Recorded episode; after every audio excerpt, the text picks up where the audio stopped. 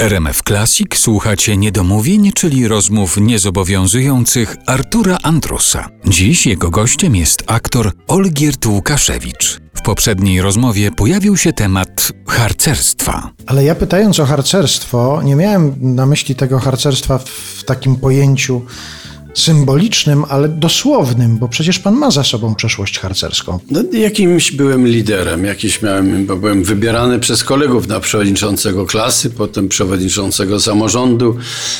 W końcu byłem i zastępowym, i drużynowym, i szczepowym, i najmłodszym instruktorem komendy chówca.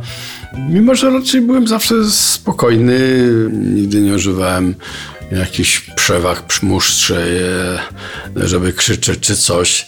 Do tego stopnia, że prowadziłem i byłem jednym oczywiście z instruktorów kursów starszo-harcerskich i mnie słuchali koledzy, którzy niektórzy mieli już za sobą jakieś wyroki sądowe, dużo starsi ode mnie, a słuchali mnie. Mhm.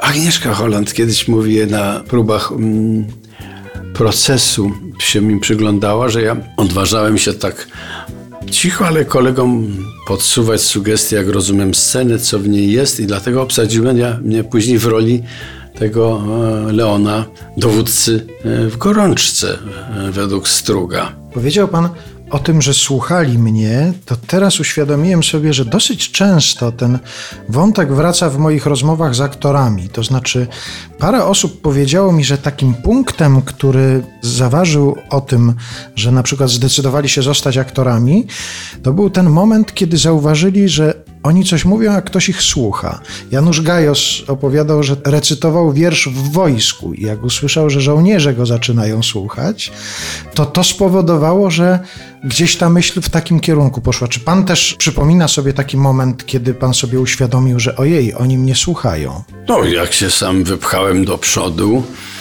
no to już e, się zabiegałem o to, żeby mnie słuchali.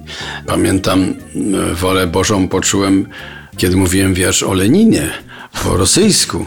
Jak był konkurs Towarzystwa Przyjaźni Polsko-Radzieckiej, to się zgłosiłem.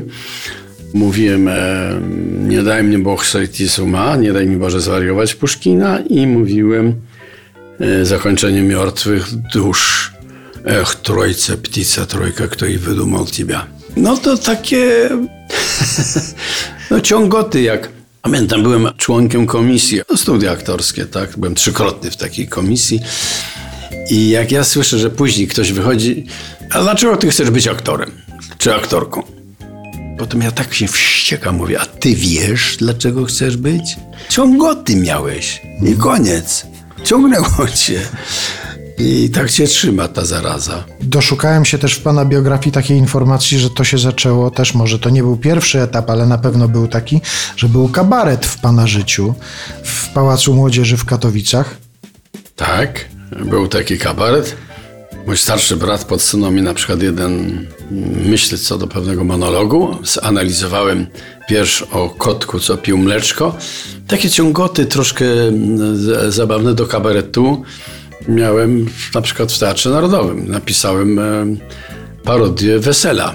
Grałem e, arendarza i zaprosiłem wszystkich z góry na poprawiny e, do bufetu i tam scenografowie urządzili już karczmę żydowską, bo Żyd to jest ten, co pierwszy wychodzi z wesela obrażony, prawda? No i, i tak ten cały instynkt aktorzenia no, się tam objawia. Troszkę obywatelsko, troszkę tak właśnie harcersko, ale i na, na wesoło i tragicznie.